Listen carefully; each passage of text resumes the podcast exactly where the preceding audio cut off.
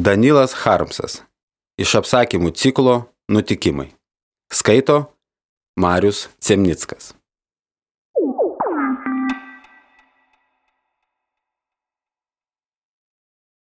Maškinas užmušė Koškiną. Draugas Koškinas šoko aplink draugą Maškiną. Draugas Maškinas sekė akimis draugą Koškiną. Draugas Koškinas įžeidžiai mojavo rankomis ir bjauriai kraipė kojas. Draugas Maškinas paniūro. Draugas Koškinas pajudino pilvą ir treptelėjo dešinę koją. Draugas Maškinas ryktelėjo ir puolė ant draugo Koškino. Draugas Koškinas mėgino pabėgti, bet suklupo ir draugas Maškinas jį pasivijo. Draugas Maškinas trenkė kumščių draugui Koškinui per galvą, draugas Koškinas šūktelėjo ir pargriuvo keturpeščias. Draugas Maškinas spyrė koją draugui Koškinui papilvę ir dar sėki trenkė jam kumščiui pakaušį. Draugas Koškinas išsitėsi ant grindų ir... Numirė.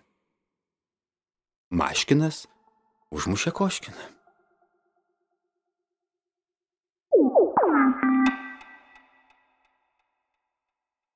Sasiuvinis.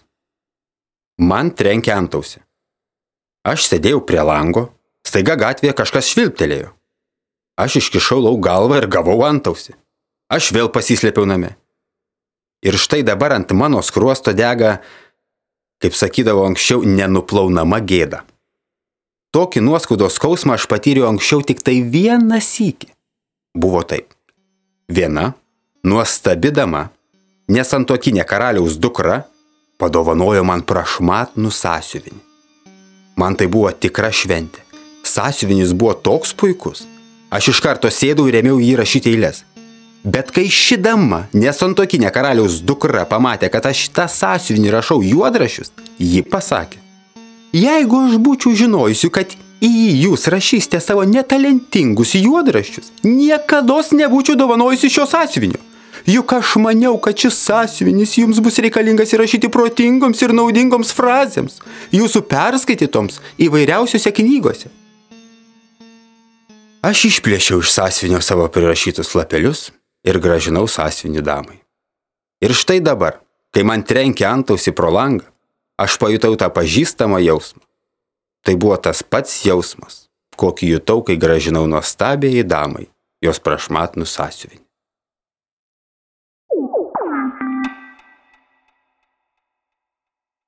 Miegas erzina žmogų.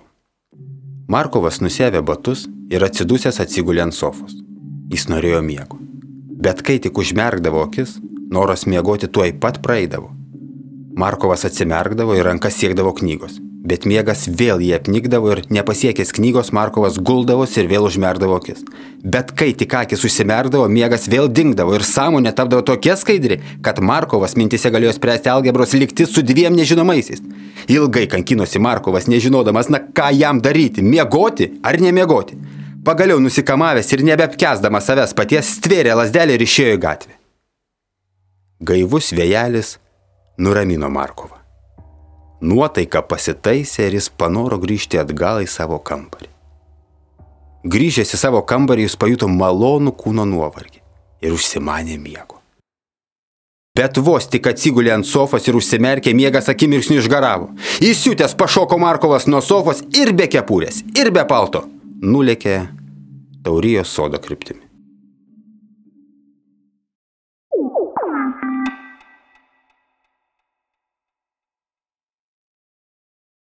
Reabilitacija. Nesigirdamas galiu pasakyti, kad kai Volodė trenkė man per ausį ir spjojo man į kaktą, aš jam taip voštelėjau, jog jis šito neužmirš. Tada aš jį mušiau primus, o lygintuvu aš mušiau vakare. Taigi numirė jis visiškai ne iš karto. Tai neįrodymas, kad koją šiam nupjojau dar dieną. Tuo metu jis buvo dar gyvas. O Andriušą aš užmušiau paprasčiausiai iš inercijos. Ir dėl to negaliu savęs kaltinti. Kodėl Andriuša su Jelizaveta Antonovna pasipainiojo man po ranka? Jiems visai nereikėjo iššokti iš už durų. Mane kaltina kraugeriste. Sako, aš gėriau kraują. Na bet tai netiesa. Aš lyščiajau kraujo klanus ir dėmes. Tai natūralus žmogaus poreikis naikinti savo, nors ir menko nusikaltimo pėtsakus. Be to, aš neprievartavau Elizabetos Antonovnos. Pirmiausia, ji buvo jau ne mergaitė, o antra, aš santykiavau su lavonu. Ir jai skūstis nėra dėl ko. Kas iš to, kad ji turėjo gimdyti? Aš ir ištraukiau kūdikį. O tai, kad jis apskritai negalėjo gyventi šiame pasaulyje, jau ne mano kalti. Bet aš nuplėšiau jam galvą dėl to, kad jo kaklas buvo plonas. Jis nebuvo sukurtas šiam gyvenimui. Tai tiesa, kad aš batu ant grindų išgleizau jų šunį. Bet tai jau cinizmas kaltinti mane šuns nužudimu, kai čia, šalia, galima sakyti, sunaikintos trys žmonių gyvybės. Kūdikio aš neskaičiuoju.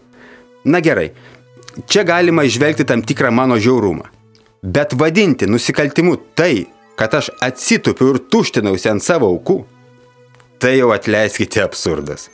Tuštintis - natūralus poreikis. Vadinasi, joks nusikaltimas. Taigi aš suprantu savo gynėjo būkštavimus, bet vis dėlto tikiuosi visiško išteisinimo.